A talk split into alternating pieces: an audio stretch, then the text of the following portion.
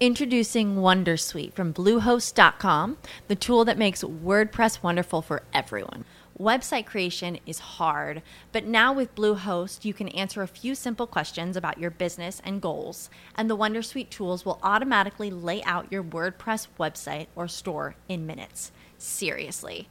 From there, you can customize your design, pick your brand colors, and add blocks. No custom theme or coding required. You'll get content suggestions that you can keep or revise, and with Yoast SEO built in, we automatically help you get found in search engines. From step by step guidance to suggested plugins to an AI powered help bot. Our built in tools make WordPress wonderful for everyone. Whether you're a beginner or a pro, you can join over 2 million Bluehost users. Go to bluehost.com slash wondersuite. That's bluehost.com slash wondersuite. When you need mealtime inspiration, it's worth shopping Kroger, where you'll find over 30,000 mouthwatering choices that excite your inner foodie. And no matter what tasty choice you make, you'll enjoy our everyday low prices, plus extra ways to save, like digital coupons worth over $600 each week. You can also save up to $1 off per gallon at the pump with fuel points. More savings and more inspiring flavors make shopping Kroger worth it every time. Kroger, fresh for everyone. Fuel restrictions apply. Du lytter til Overskudd med Even og Johannes. Jo, god morgen, Even. God morgen, Johannes. God morgen. God morgen. Og en god morgen det er. Mhm. Fått i meg litt kaffe, det er helt essensielt i dag. Ja, du er kaffetypen. Jeg klarer meg med lukten. Pappa lager en sånn nybrygget kaffe, så det lukter jo eh, fantastisk i hele huset. gjør det. Åh. Ja, Lukten er også litt av, litt av gleden, men jeg må jo jeg må ha det. Det ikke bare bli Det holder ikke med lukten. Nei, det gjør ikke det. Nei. Kanskje det hjelper hvis jeg skulle trappe ned, men eh, jeg er ikke en periode hvor jeg skal trappe ned akkurat nå. Det blir en annen gang. Nei, riktig. det, sånn at Nei, det er rart. Jeg, eh, klarte jeg klarer ikke å bli bitt av kaffe selv. Jeg kan drikke det liksom mye en periode, og så kan det gå sånn tre år hvor jeg ikke tenker tanken engang. Så det er, altså, plutselig får jeg veldig lyst på en kaffe. Så det er veldig, jeg veldig rart. er, altså, Ja, du gjør faktisk det? Jeg misunner at du ikke har uh, Skal skal si, du klarer deg uten kaffe. Yes. At det, for jeg er sånn eh, ja, i, perioder så drikker jeg ganske mye kaffe, selvfølgelig. Um, men jeg, må, jeg tar et bevisst valg etter f.eks. en eksamen. Så tar jeg et bevisst valg at nå skal jeg ikke drikke kaffe de neste to ukene. Um, okay. og da fungerer jeg særdeles dårlig, merker jeg. Så Så det kanskje det er placebo eller, eh, eller noe slikt. Hvem vet. Ja, det har vel bygget seg opp en viss sånn eh, placebo-holdning der, men, men igjen, altså, jeg ser, merker pappa, og han blir jo litt sånn der han, hvis, han, hvis han ikke rekker å lage seg den kaffen, så blir han litt sånn gretten han eh, skjønner at han må Ja. gå på hjemmekontoret igjen. Jeg er, ikke, jeg er ikke helt der, for det. nei, kanskje ligger noe i det. Jeg blir kanskje ikke gretten. Jeg blir, jeg blir, ikke gretten, jeg blir bare sånn litt lite fungerende, føler jeg. Ja. Men Det er vel flere flere som kan kjenne seg igjen i det. ja. Du må Så nei, du får rett og slett litt lite overskudd. Ja. Apropos overskudd, det er vel det vi skal snakke om i dag. Ja, vi skal faktisk det. Kontantoverskuddet. Mm. Eller underskuddet. Eller underskuddet. Det kan fort være et underskudd. Mm. For vi har jo vært gjennom Per i dag så har vi jo vært gjennom i de tidligere episodene eh, balansen, eh, eller balance sheetet. Og vi har vært gjennom income statementet. Og nå topper vi det hele med den siste delen av financial statementet, som er cash flow statement. Mm. Og det er eh, Det er på en måte får, Mange forveksler det ofte kanskje med income statementet. At det er, og, eh, og, det, og det er noen forskjeller da, som, vi, som vi kommer inn på. Ja. Men i utgangspunktet så, så er jo det delt, eh, delt i tre. Mellom operasjonell, investering og finansielle eh, kontantstrømmer. Da. Ja. Og det er jo det, er jo det som er så at det kan ligne litt på income statement, fordi det viser rett og slett et tidsbilde over et år. Eh, Mm. Men i motsetning til en income statement, hvor du da kan føre opp kundefordringer eller eh, leverandørgjeld, sånne ting, eh, som ikke er betalinger som er liksom, eh, konkrete og foretatt, Mm. så, så, så må du det rett og slett bare føre opp det som er betalt da, i en kontantstrøm. Så det er rett og slett bare en oversikt over hver krone som har gått inn, og hver krone som faktisk har gått ut. Ja. Så Et eksempel som vi kom på nå nettopp i sted, er, som er veldig forklarer det enkelt, er at hvis du kjøper en bil, eh, så vil income statementen så vil jo den da avskrives eh, ettersom det er avtalt i løpet av avskrivningsperioden. Det kan være fem år. Si 10 eh, Nei, ja. eh, 25% delt på fem, eller ja. Det, ble litt merkelig. Men det du kan regne på det som ønsker, det er det som er med depreciation. Men i hvert fall i en kontantstrøm så vil det da bare telle med, ved innkjøpet. Så Si at bilen kostet 400 000, så er det ikke avskrivning det året, men selve innkjøpsåret. Så da er det 400 000 som går ut da, av, Ja. av kontantstrømmen. Eh, Mm. og, da, og, det, og det er jo et eksempel på en investeringsaktivitet. Ja. Og du nevnte jo da at det er jo operasjonelle aktiviteter, og det er jo typisk da varekjøp og varesalg, lønnskostnad, eh, slags, Mm. slags, som er direkte knyttet til bedriften. Og så har du også finansielle aktiviteter, da, som er eh, nedbetaling eller innbetaling fra lån, eh, aksjetilbakekjøp eller emisjonsinntekter, f.eks. Mm. Eh, Så det viser rett og slett bare kilden til hver eneste krone da, som går inn eller ut av et i løpet av et år. Det er uh, Så det er the money. Ja, så Det det er er jo rett og slett bare et Ja, det er jo det er egentlig follow the money. Det er vel nesten der det kommer fra. Føles i hvert fall sånn. Ja. Det ser sånn ut, kanskje, det er riktig å si. Men i hvert fall da, så er det et finansielt virkemiddel. Og det gir eh, som sagt inntrykk av et tidsbilde da, fra ett år. Mm. Um, som sagt så har vi da sagt at hvis det kommer en krone inn gjennom salg av en vare, så er det en operasjonell eh, aktivitet. Uh, Ja. Komme der fordi du har solgt en fabrikk som er utdatert, så er det en investeringsaktivitet. Ja. Uh, og som sagt så er opptak av lån det er jo da en finansiell aktivitet. For. Mm. Uh, og summen av disse tre aktivitetene det gir oss da kontantstrømmen for perioden. Så hvis du er i pluss, det kan godt være at to av de er negative, og så er du pluss på operasjonell eller hver enkelt av de. Men hvis summen er positiv, så vil denne summen gå rett til kontantbeholdningen. da. Ja. Og så og rett og slett uh, hovedsakelig da, så er det slik at eh, man ønsker jo å se at dette overskuddet kommer fra de operasjonelle aktivitetene, og Mm. ikke gjennom salg av f.eks. en bil da, som du, eller eh, en fabrikk, eller ved opptak av lån. Ikke sant? Fordi det har jo ikke noe med selve driften til selskapet å gjøre, Ja. hvorvidt den er god nok til å tjene penger. Så det er Mm. noe å se etter, da. At Det er fra operasjonelle Ja, du kan jo- Enk, enkelt forklart så kan du ikke forvente at det, det salget vil gjenta seg. da. Du kan ikke selge samme ting to ganger, eller Nei. det vil i hvert fall være ulovlig. Ja. Så, så, er derfor på en måte inntjening fra f.eks. det at det er positivt på investeringer. Da. Det at du får penger fra at du har solgt uh, eiendeler, solgt assets, det er jo det, er jo, altså det kan være en lurt ting å gjøre, selvfølgelig. Det kan hende at du har bedre måter å bruke, bruke kontantene på enn, enn å eie det, den type asseten. Det, det vil jo være tilfeller hvor det er. Men det er, det er på en måte den konteksten man må se det i. da. Eh, er dette her eh, et godt salg på tidspunktet? Eh, og ikke wow, masse penger, det er bra. Eh, ja, ikke sant. det, det er den for det, er, for det er to forskjellige ting å tjene penger på. Ja, salg av Hvis det er f.eks. et shippingselskap, selger hvis det selger uh, halvparten av alle båtene den har, ja, da vil jo ikke de operasjonelle Antageligvis de operasjonelle inntektene kunne øke året etter. Det ville i hvert fall vært uh, mot min formodning, da. Da skal det skje noe drastisk med, med shippingkostnadene. Ja, og, og hvis det skulle skje, så hadde det kanskje ikke vært min idé å selge, selge det i utgangspunktet. Så, så, ja. Så det er jo en det. en, eh, en dårlig beslutning å gjøre et par år på rad. Mm. Så det er jo Men vi kan også gå litt nærmere inn på den, den finansielle biten. Uh, for her, her, her har du skrevet uh, 'Djevelens verk'. Ja, noen vil i hvert fall si det. mm. For det er jo altså, ja, det er jo penger du får, men uh, det, det er uh, Det Det er jo en pris å betale, du selger sjela di.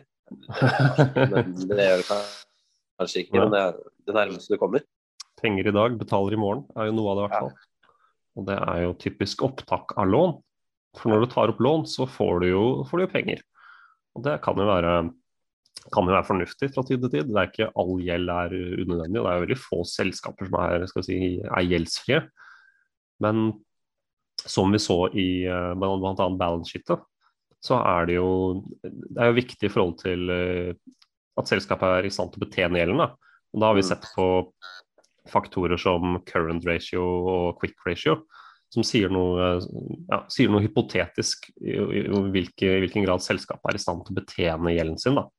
Mm. Så hvis du ikke har hørt det, på det, så anbefaler vi deg å gå tilbake og høre episoden i balance sheetet, om balance sheet.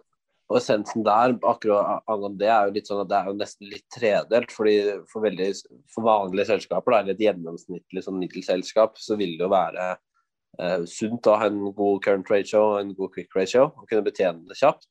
Mm. I motsetning til å da ikke ha det og være veldig gjeldstunget og ha lite inntekter. Men så har du jo de der veldig store, solide selskapene, sånn som f.eks. Coca-Cola.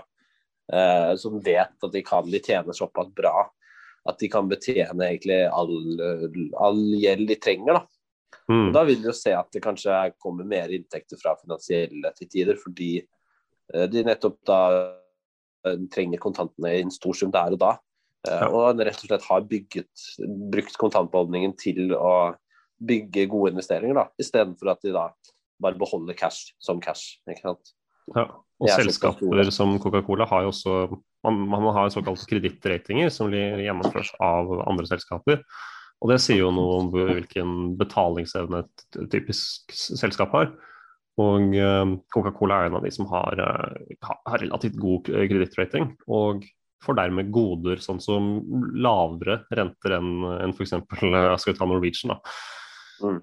Det er jo Å på en måte være gjelds, uh, gjeldseier uh, hos Coca-Cola, det, det, anses jo som veldig trygt, vil jeg jo ja. påstå. Det, og da, da, trenger de ikke ha noe høye renter som risikopremium. Og det, og det er en fordel for, for, store, etablerte selskaper som, som markedet har tillit til. Da. De, mm. får jo, de får jo mye billigere gjeld, og det er kanskje den konteksten man må se det i. At når du får når et lite selskap som på en måte skal vokse og som ikke kommer til å ha inntekt på mange år, når et slikt selskap tar opp mye gjeld, så, så er det ofte grunn til å anta at den gjelden her, den, den er og vil være ganske dyr å betjene. Mm. Mens hvis uh, Coca-Cola eller Microsoft eller Apple gjør det samme, selskaper som man vet at er flinke til å tjene mye penger, så, så, så ja, Altså, du, og det er jo det er et marked på dette her. Den som tilbyr det billigste, billigste den, den, er ofte vinneren av det. det mm. du, ja, tilbyr lån. Og den som tilbyr billigst lån til, til, et selskap, er jo ofte den som får det. Ja. Um, men så må det jo også være forsvarlig i forhold til hvilken risiko låne, lånhaveren tar, rett og slett. Så ja, ble, ble litt om gjeld dette her, men uh, det er jo en viktig del av det er det er det som ofte tynger et selskap veldig. da, fordi, mm. um, fordi, Hvis du i tillegg til å betjene salgskostnader og lønnskostnader og den slags skal måtte bekymre deg for et ganske tungt lån, så, så kan det være akkurat det som uh, gjør at du bikker over. ikke sant? Mm. Og så, Vi snakket jo om um, Jeg har jo ikke nevnt det ennå, men i f.eks. når det kommer til operasjonell inntjening Beklager mm. at det blir litt fram og tilbake nå. Men eh, jeg skal jo komme til et poeng med eh, den finansielle delen. Men ja. vi har jo vært innom eh, i income statementet, så har vi vært innom EBITDA um, som begrep. Og EBITDA gir jo uh, et ganske godt estimat av hva du vil ha som uh, kommende operasjonell inntjening. Det vil jo avvike noe på bakgrunn av det som du har sagt knyttet til uh, kundefordringer, og når pengene faktisk blir går inn på konto, versus når det er en forpliktelse oppstått. Men Og de vil jo, EBITDA vil jo kunne være veldig bra hvis du har mye gjeld. Det vil kunne mm. være helt fantastisk uh, for et gjeldstungt selskap. For det, det, er jo før uh, ja, interest da, som et av momentene. Mm. Og uh, hvis du må betale veldig mye interest, så, så, så, blir jo faktisk net income den blir jo, den blir jo ganske dårlig. da det som faktisk blir igjen til aksjonærene, det blir jo relativt dårlig hvis du har eh, store låneforpliktelser som må nedbetales. Så det er det verdt å, verdt å bemerke seg.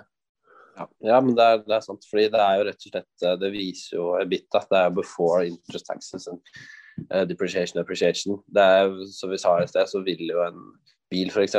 som kjøpes, den vil jo altså, påløpe som en kostnad i den kjøpes i sin fulle sum. Mm. Um, så hvis du bare legger tilbake alt det, både interest og depreciation og amortization, så får du da um, cashflowen fra operasjonelle aktiviteter. Ja. Automatisk så EBITDA er jo en fin måte å se, finne kjapt på, da. Ja, det er veldig greit. For den sier, den sier noe om hva du kan forvente at uh, kontant, positiv kontantstrøm blir. da. Mm.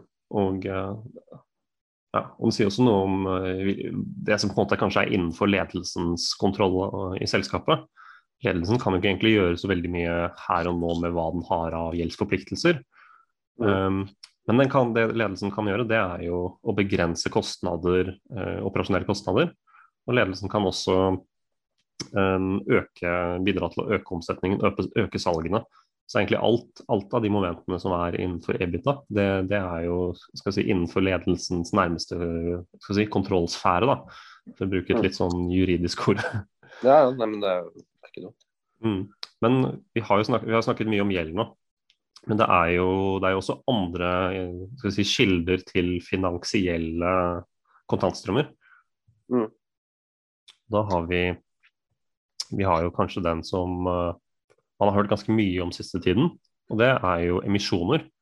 Det er du veldig glad i, faktisk. Ja, det er jo i motsetning, og det, det er kanskje si, en, positiv ting å framheve, i motsetning til uh, lån, uh, som må tilbakebetales, da, mm. så er uh, så er jo ah, nå, nå står, står, det nesten fast her. Emisjon, så er jo en emisjon det er penger som du får, ja. og uten noen forpliktelser. da.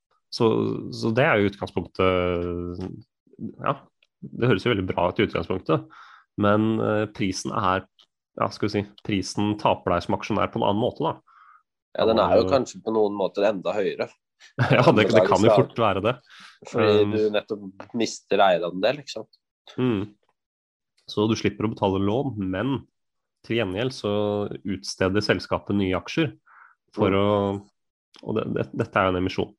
Selskapet oppretter, la, la, oss si et selskap på 1 milliard, oppretter 10 flere nye aksjer. Og eh, vil jo da i realiteten fort kunne være verdt eh, 1,1 milliarder.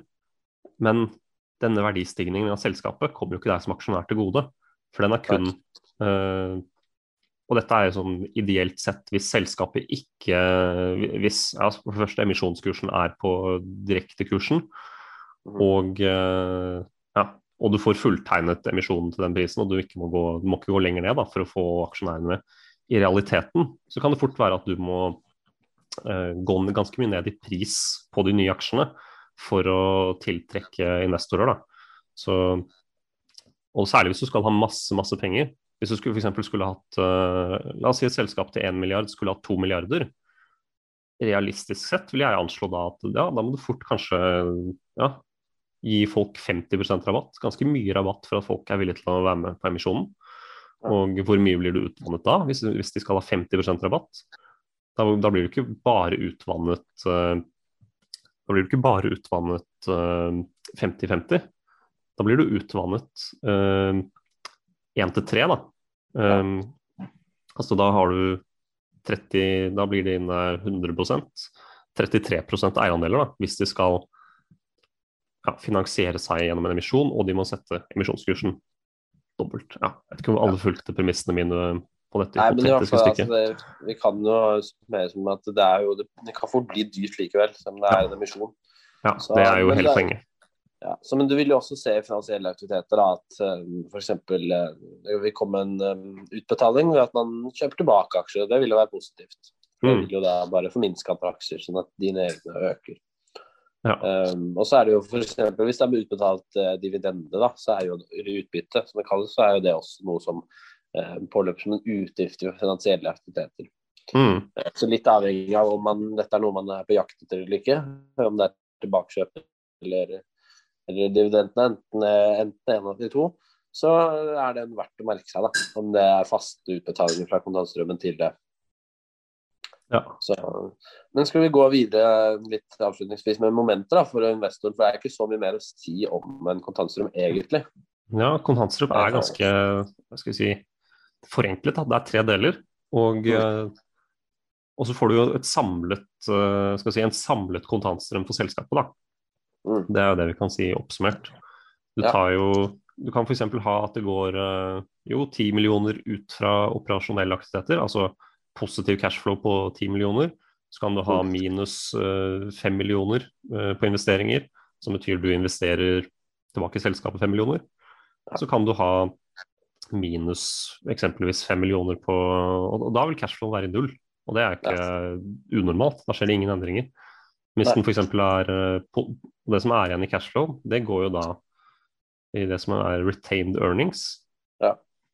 For det blir jo det Og det går vel bare Men, men nå er den i null. Det, trenger ikke være, det kan jo være positivt òg, hvis det viser seg at den cashflowen er brukt da, til nedbetaling av lån, eller eh, at det er mye som kommer inn fra operasjonelle aktiviteter som er brukt å betale ned andre ting. Da er det på When you need mealtime inspiration, it's worth shopping Kroger, where you'll find over 30,000 mouthwatering choices that excite your inner foodie. And no matter what tasty choice you make, you'll enjoy our everyday low prices, plus extra ways to save, like digital coupons worth over $600 each week. You can also save up to $1 off per gallon at the pump with fuel points. More savings and more inspiring flavors make shopping Kroger worth it every time. Kroger, fresh for everyone. Fuel restrictions apply. En måte positivt.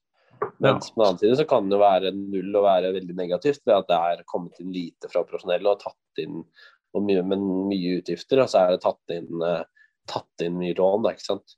Så, ikke sant? så selv om det står null, så, er, så kan det si mye, da. Ja. Så, men. Så, men, selve skulle- ja. Jeg kan, selve ta litt sånn, eh, jeg kan ta et par momenter her først, og så kan du ta de siste i hvert fall.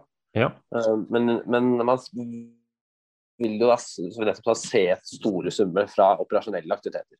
Eh, Og at det er denne som gjør det, om det ikke er null, så i hvert fall positivt uh, i kontantstrømmen. Eller om ikke positivt, så i hvert fall null.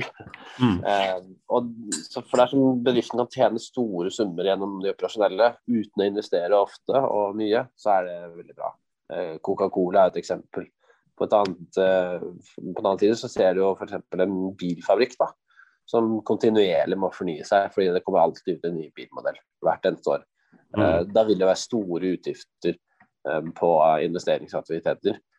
Um, og, så er det jo selvfølgelig kanskje bra inntekter fra personell et år, og du får jo sikkert inn litt fra både finansielle og investeringsaktiviteter, men det varierer veldig fra både en, eller fra en bilprodusent og Coca-Cola.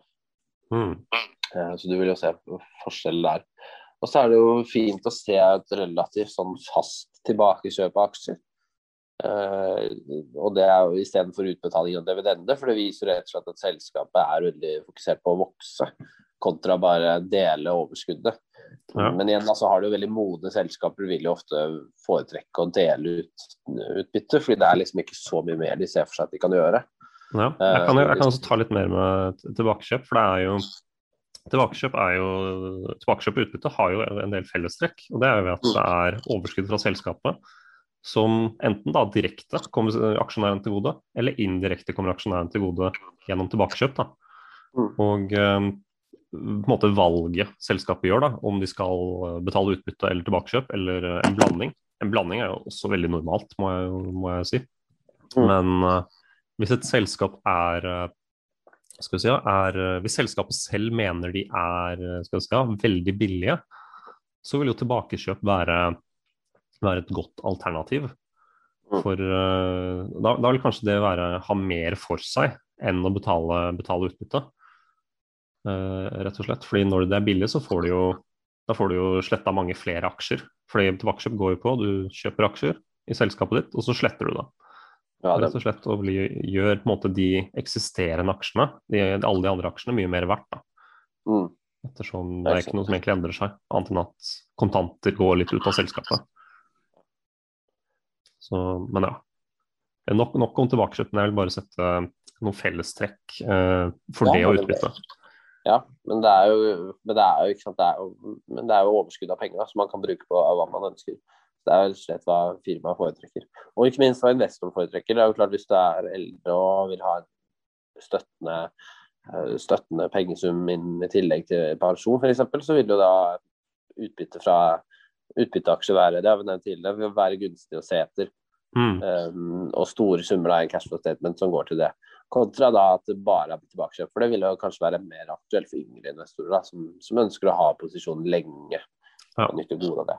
Så det kommer helt an på preferanser, rett og slett. Så, Mm. så kan vi gå litt sånn, for nå er det på avslutningen av finansielle um, statements, um, eh, Johannes. Så vi kan jo bare avslutte sånn hva essensen har vært da, gjennom den trilogien vår. Ja, Har du lyst til å gå litt sånn slavisk uh, ja, gjennom det vi det er liksom verdt å huske på? da? Ja, det er, sånn Det er innledningsvis. mye mer å huske på enn bare dette, men uh, ja, nei, altså Mine bemerkninger er jo til, til å begynne med der, der er det jo at du, du kan jo på en måte du kan jo på en måte prøve å gjette fremtiden da, i, i et selskap. Prøve å gjette hva, hva vil skje med dette selskapet i fremtiden. Mm. Um, men det, det er jo veldig vanskelig da, hvis selskapet er helt nytt, har ikke noe tall, og du har egentlig ikke noe holdepunkt til å vite hva som skjer i selskapet. Da. Altså, ja, du vet at det, det, har, liksom, det har vært så mye kontantbeholdning som selskapet skal over tid investere, men ellers så vet du egentlig ingenting. da. Og uh, således så, så vil det på en måte kanskje det, det vil jo være mange typer aksjer hvor uh, finansregnskap ikke egentlig er tilstrekkelig for å sette en verdi på selskapet. Jeg, jeg vil jo si det. Um, men så vil jeg jo si at hvis du velger å se på og, og på en måte at du tar utgangspunkt i finansregnskapet for å sette en verdi på selskapet, og uh, vurdere ja, er det en positiv utvikling her, går uh, og hva er det som faktisk skjer da, i forhold til pengene. Hva er det, hva er det som skjer med eiendelene? Hvordan tjener de Mm. penger? Og eh, ja. Det er på en måte Ja, rett og slett bare en økning da, i nettoinntekter og eiendeler og egenkapital gjennom de operasjonelle aktivitetene, da, på en måte. Mm, Uten at man, eh, det påløper tilsvarende store eh, utgifter og si, kreditter på høyresiden av balansen. ja. Mm. Nei, for jeg, jeg tenker også sånn at Det er jo veldig mange selskaper i dag, eller i hvert fall veldig mange flere selskaper som har skal si, ganske tynne regnskap. Som har eh, som på en måte de, de har ikke noe ja, for det første, de har ikke noe inntekt fra operasjonell aktivitet. Mm. De har, uh, altså de, er de har penger, eh, penger, de har emisjoner. Ja. Men uh, de, det, er, det, er ikke, det er ikke snakk om at de på en måte har, har liksom ti år med track record på, på hvor, ja, hvor variasjoner av inntjening. Da. Mm. Og det, da blir det veldig vanskelig å bruke regnskap for å helt tatt sette en verdi på det, da, må jeg jo si. Og Ja. Da må man holde seg litt kritisk generelt. fordi kan du ikke, ja, kan du ikke finne verdien på et selskap gjennom uh, ja, bl.a. regnskapet, så, så er det så er, så er det veldig spekulativt, da, er jo førstebemerkningen min. Mm. Eh, Det kan være spekulative ting som har, på en måte, tar mange år med regnskap også, det er ikke det. Men som regel, hvis det er tynne tall og ikke, ja, ikke lett å finne fram, da, og det, det er Mm. veldig mange hvor det liksom står blank, det er ikke, her er det ikke noe tall ennå, så, så er det ja, skal vi si, litt sånn, sånn Det blir jo varselstrek. på en måte. Ja. Eh, Med mindre du har en ekstrem innsikt og, og gjort en ekstremt nøye jobb som egentlig nesten ingen har anledning til. da. Ja, Så, er, det- så blir det så blir det gjetning. Var det ikke Det var jo noe, noe ja, Nå husker jeg ikke, jeg refererte det før, men det var en som regna på liksom, hva var eh, hva var gjennomsnittlig avkastning eh, fordelt over Euronex Growth. mm, Og det var jo var det ikke minus 40% eller noe sånt. Da. ja, er det den i Eh, dag? I aksjekursen, ja. Hvis du, altså, hvis du hadde investert i alle, så hadde porteføljen gått ned minus 40 Likt, da. Ja, det. Ja. Nei, det det var er jo sånt, da. det er en del ting der som du ikke kan bruke skal si, enkelte regnskapsmetoder på for å finne verdien av. Det er jo Ja. Det er slik med de nye selskapene i dag. Og, eh, Ja. og det er, de er, de er kanskje der, på, der framfor hovedindeksen for en grunn. Da. Og det er jo ja. Det må man jo, må man jo se på. Så Nei, det er sånn, men jeg, altså, det er Finansielle statements eller financial statements eh, er jo det, det kan virke omfattende, men det er relativt sånn Det er jo samme prosessen for alle selskaper. Mm, Eh, Så på sett og vis, Det er det som gjør det så, så ikke enkelt, men det er jo det som gjør det så anvendelig. da, fordi det er rett og slett ganske ganske likt. Sånn at du Ja. lærer deg fort liksom, gangen i et selskap, eller ser forskjellen på selskap. Og det jeg syns er mest interessant, det er å kunne sammenligne relativt like selskap. Ja, absolutt. Eh, Sånn som da eksempel henne som Maurits og Sara eller Gap, da. Sånne ting. Mm. Og kunne bare se over til tre balanser, og så ser du liksom ah, ja, OK. De har valgt å gjøre det sånn, og de har valgt å gjøre det sånn. Eller de har endt opp med å gjøre det sånn, eller de har endt opp med å gjøre det sånn. Mm. Uh, Og så kan man liksom gjøre seg en formening, da. Så, og så er det jo liksom ofte bevist at hvis du kjøper et billig selskap basert på det, uh, og hvor mye du forventer, så, så får du ofte mer igjen, da. Enn hvis du Ja. kjøper dyrt. Ja, og ikke bare billig i forhold til eh, skal vi si APE, men, men billig i forhold til ja, hvor, eh, hvor solid det er f.eks. på likviditet, hvor solid Mm. det er i inntjening, proff, altså marginer. Mm. De typer faktorer. Hvis du velger Hvor effektivt det er. Ja. Hvis du velger på en måte på se på overordnet på de faktorene og finner et selskap som er på en måte billigere, men bedre, f.eks. Som på en måte har kvaliteter ved seg. Uh, og kvaliteten ikke er priset inn tilstrekkelig. Da, etter, uh, det er litt sånn kjønnsmessig vurdering om den er det. Men det, det er noe man på en måte lærer seg etter hvert da, å kunne gjøre i større grad når man på en måte forstår de forskjellige sidene. Hvilken, hva er det som betyr noe for et slikt selskap? Altså enkelte typer selskap så vil jo vekst ha, være en veldig vesentlig del av prisingen. Da må, du, Mm. da må du kanskje se på det, hvor mye vokser den, og, og, det- og det blir jo litt mer sånn forventningsbasert. Og forventninger blir jo på en måte utenfor regnskapet. Så du kan jo, du kan jo ha noe framtidige forventninger på bakgrunn av mm, fortiden. Mm. Det er ikke mulig, det. Men ja, hvor, skulle jeg med dette her? Um, Nei, men altså, det er jo det er som du har sagt, det kan være billig om det er i form av PE, men så kan det være at det er billig drift da, kontra en konkurrent.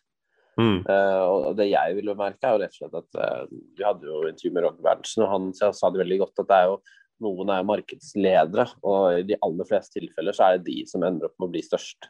Rett og slett Mm. fordi de leder av markedet. Men igjen, det kommer jo an på da, om de, om de klarer å ta vare på dette. her. Ja. Eh, og han nevnte jo veldig bra Tomra, som på en måte i stedet for at de bare har vært en markedsleder, så har de skapt bransjen. ikke sant? Mm, Eh, og sånne selskaper, selskaper skal skape bransjen, De, de har på en måte en helt annen, et helt annet utgangspunkt da, for suksess kontra et selskap Mm. som bare er med for å være med. ikke sant? Um, fordi det, det er ikke noen visjoner bak, annet enn at de har lyst til å være med på leken mm, i nummer to. Da. Så, så det er liksom Det er veldig mye man kan se på. Men det som er så fint med, med Financial Statement, er at det gir en viss eh, mulighet til å sammenligne. Da. ja. Og, det er, eh, og særlig disse ratioene man snakker om, da. Altså Mm. disse, disse forholdstallene. Altså, du har jo, du har jo PE, prisbok, vi har vært innom det. Mm. Uh, quick ratio, EPS, ratio. EPS er veldig Ja. Det er lett det- å glemme litt inni der. det sier jo noe det, det sier på en måte hva forventningen er, og det sier noe om eh, ja, hva, hva, hvor på en måte for likviditet, da. Eller, Mm. og også så er det forskjellige finansielle metrics, da. Hvordan, hvordan selskapet er finansiert. De har vi ikke gått så mye inn på i den serien her, for det er litt sånn det er litt tungt. Men uh, du kan f.eks. lære deg uh, return on, uh, on assets, return on equity. Mm. sli, slike EPS, Kjipe som er earnings per share. mm. Um, Og det vil jo gi god indikasjon på hvilket selskap er, er best. da. Earnings Mm. per share så må du jo nok også ta og dele på aksjekursen for å få måte for å få det relativt inn i, eh, i sammenligningen. da. Og, da vil jo, og det igjen er som han sa, du vil se en gradvis vekst. Da? Mm. I et sunt Hvis du har da hele tiden uh, utvanner aksjene dine, så vil det jo ikke gå an å få en økt earnings per share. Ja, Det er i hvert fall ganske vanskelig. Ja, da skal du ha en vanvittig vekst. Nei, altså det er mye å se på. Jeg vil jo igjen anbefale den der uh, Warren Buffett-boka, som ikke er skrevet av Warren Buffett, men av en slektning. Uh, som heter Warren Buffett and the Interpretation of Financial Statements. Den er veldig fin og viser liksom hva han ser etter. Og så har jeg en annen som er veldig sånn grunnleggende, men den er skrevet i 1937. og Det er da læremesteren til Warren Buffett, og det er Benjamin Graham og The Mm. Of Financial Statements. Så det er samme tittel på boka, forskjellige forfatter.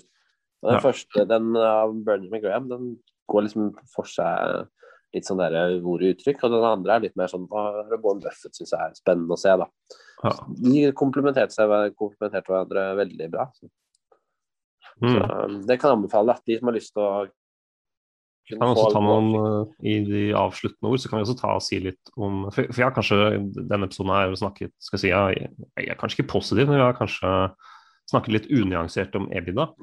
For det er jo Warren Buffett er ganske kritisk til selskaper som, som fremhever EBITDA hele tiden, da, som er EBITDA, EBITDA, og som ja, det framfor net profit. da. Jeg kan jo kjapt bare si hvorfor. og Det er rett og slett fordi at selskap kan drives effektivt. men det er sånn, Selve driften og varekostnadene osv. Men uh, det kan ha store avskrivninger gjennom fabrikker osv. Som, uh, som da egentlig som, Og hvis de har det, så er det jo egentlig ikke veldig effektivt likevel. Så mm. det kan være litt villedende, da. Ja. Så, og selskapet som uh, og Warren Buff snakker også om at de selskapene som han investerer i, som han ser på som solide, de snakker aldri om EBITDA. Det er på en måte. De selskapene du, du, finner nok bra selskaper som snakker om EBITDA, men så finner du selskaper som eh, skal vi si, ja, som eh, jeg skal ikke si prøver lurer, men det er jo det er jo ofte mer attraktivt å velge EBITDA framfor net income når, eh, når, du har veldig mye gjeld å betjene eller masse avskrivninger. Så ja. Men det er vel også som, som Roger Berntsen sier, det, det, det, er litt mer behagelig å ha eie aksjer i et selskap som på en måte sier det som det er. da som på en måte ja. ikke driver og sminker på resultatene og sier ja, i år så hadde vi et dårlig år, rett og slett. Eller framtiden blir kanskje bedre, men dette her var ikke dette her var under det vi hadde sett for oss. Ja. Bare er, ærlig på det. Det er jo også en så kanskje sånn, Det er utenfor faktisk alle tallene og det, men det er på en måte ærlighet. Det er, det er mm. høyt verdsatt, må man jo si. Og integritet, ikke sant. Mm. Det er klart at det er det, er det motsatte av det. ikke sant? Enron er et stikk motsatt eksempel, men nå var det mange sier ren svindel. ikke sant? Mm. Uh, men, men, det er jo samme greia. Der var det mer egen profitt. Og ingen, ingen, der inne var på en måte man kan si venner, da, på sett og vis, av de som jobbet der. Det var liksom alle var inne for egne interesser. Og da havner mm -hmm. selskapet i andre, andre rekke. Og det er liksom ikke det er ikke det man vil se. Man vil se at de er der for selskapet. ikke sant? For da, da, da gagner det alle. Ikke bare de få som uh, har full innsikt over når ting går bra og dårlig. Ja. Mm. Så integritet og ærlighet er jo bra å se etter. Ja. Vi kan vel, kan vel, nesten avslutte med det? Ja, Eller har vi noen siste bemerkninger? Nei. Nei, jeg syns det blir bare Man kan heller lytte på den i to andre episoder på nytt. Mm. Ja, litt gjentagelse, men det er uh det er, si, det er viktig å sammen, ikke sant? De henger jo litt sammen, disse tre statementsene. Og cashflow statement er relativt nytt, faktisk. Det kom ikke før 1987 at det var, at det var... Så nytt? Ja, det, eller selve konseptet har nok eksistert før, men uh, det var da det ble påbudt da, for selskapet ja, ja, å, å, bruke det. Så det, så det, så det er, sånn sett så er det jo relativt nytt, så, og det henger jo sammen på andre. Men det, gir jo et veldig komplett bilde. Mm. Interessant. Nå lærte ja, jeg noe. Sånn, eh, Nei, fordi jeg fant jo ikke det i den der Benjamin Graham-boka. Den er fra 1937. Der var det ikke det eneste, en eneste henvisning til det. Uh, og så skjønte jeg at det var jo 50 år senere at det ble påbudt. Ja, ja. Så Nei, det gir jo, gir jo, mening, det også. At, uh, jeg har også lest litt sånn uh, Jeg skulle si litt sånn utdrag fra eldre, eldre tekster rundt der. Og det er, skal si, det er mye fokus på de andre to, altså balance sheet og income statement, men mm. cashflow har jeg kanskje jeg har ikke tenkt så mye på hvorfor det ikke er nevnt. Men jeg tenkte kanskje det er, det er, ikke, det er ikke, så viktig. Det er jo relativt enk, altså, det er jo enkelt satt opp. Det er på en måte består av tre poster. Mm. Så, Egentlig så sier det veldig mye. Hvis du kan se det altså Ett år trenger ikke nødvendigvis si noe som helst, men hvis du har oversikten fra år til år, så, det, så mm. kan det si veldig mye, faktisk. Ja, altså, det er ikke, er ikke dumt å ha gjort det påbudt, for å si det sånn. Nei, det, er jeg mange har tjent på. Det er jo det er som sagt man får et reelt bilde da. av hvor mye kontanter som faktisk går inn, og hvor mye som faktisk går ut. Kontra mm. hvor mye man sier skal komme inn og skal gå ut. Det er litt mm. forskjell. Ja, ja, absolutt. Så det er det Det er vel det er relativt vanskelig å sminke cashflow, kan man vel si. Ja, ja det, ikke sant? det går jo ikke. Mm. Income statement, da kan du drive og, ja, du kan drive og snakke om EBITDA, drive det er typisk om... der balansene blir sminket. da. Det er den med balansen. Mm. Altså det inntrykket jeg har. At der kan man drive og bruke andre ting enn net profit, da. eller i hvert fall fremheve det. Snakke mm. om hvor bra vekst man har hatt i EBITDA og, og den type ting. Ja. Men uh, ja. Så, så det er lurt. Altså og hvis du, skal, ja, hvis du skal velge kanskje én ting å forholde deg til, så altså, er jo kanskje cashflow statement en lurt lur ting da, å forholde seg til. hvis det er liksom, Ja, det er jo det er for så vidt det. Det er for så vidt det. Jeg skal ikke si at de andre ikke er viktige, men det er på en måte Du får veldig mye essens forenklet der, da, kan man jo si. Ja, og du viser litt mentaliteten til selskapet, da. Det er Mm. litt sånn, ja. Eh, Ja, rett og slett holdningen til selskapet. Mm. Så det er hvor det står. Nei, men så bra. Skal vi runde av der? Ja, jeg tenker det. Ja, så bra. Åssen blir helgen din, da? Hva sa du? Åssen blir helgen din? Det blir rolig. Eksamen på mandag. Så det Ja. ikke verre. Og kneet, det er i orden? Nei, det er det absolutt ikke. Men det skal opereres neste fredag, da. Det blir, det blir bra til slutt. Det blir Ja. Bra til slutt. Nei, det får lykke til. Jo, takk. Ja. Så da, vi får se, da. Jeg skal prøve å få spilt inn neste runde. ja, du snakker vel ikke med kneet? Ja. Nei. Nei, men så bra. Mm. Ja, da, da snakkes vi. Du lyttet til Overskudd med Even og Johannes. Save big on brunch for mom, all in the Kroger app. Get 16 ounce packs of flavorful Angus 90% lean ground sirloin for $4.99 each with a digital coupon. Then buy two get two free on 12 packs of delicious Coca Cola, Pepsi, or 7UP, all with your card. Shop these deals at your local Kroger today or tap the screen now to download the Kroger app to save big today. Kroger, fresh for everyone. Prices and product availability subject to change. Restrictions apply. See site for details.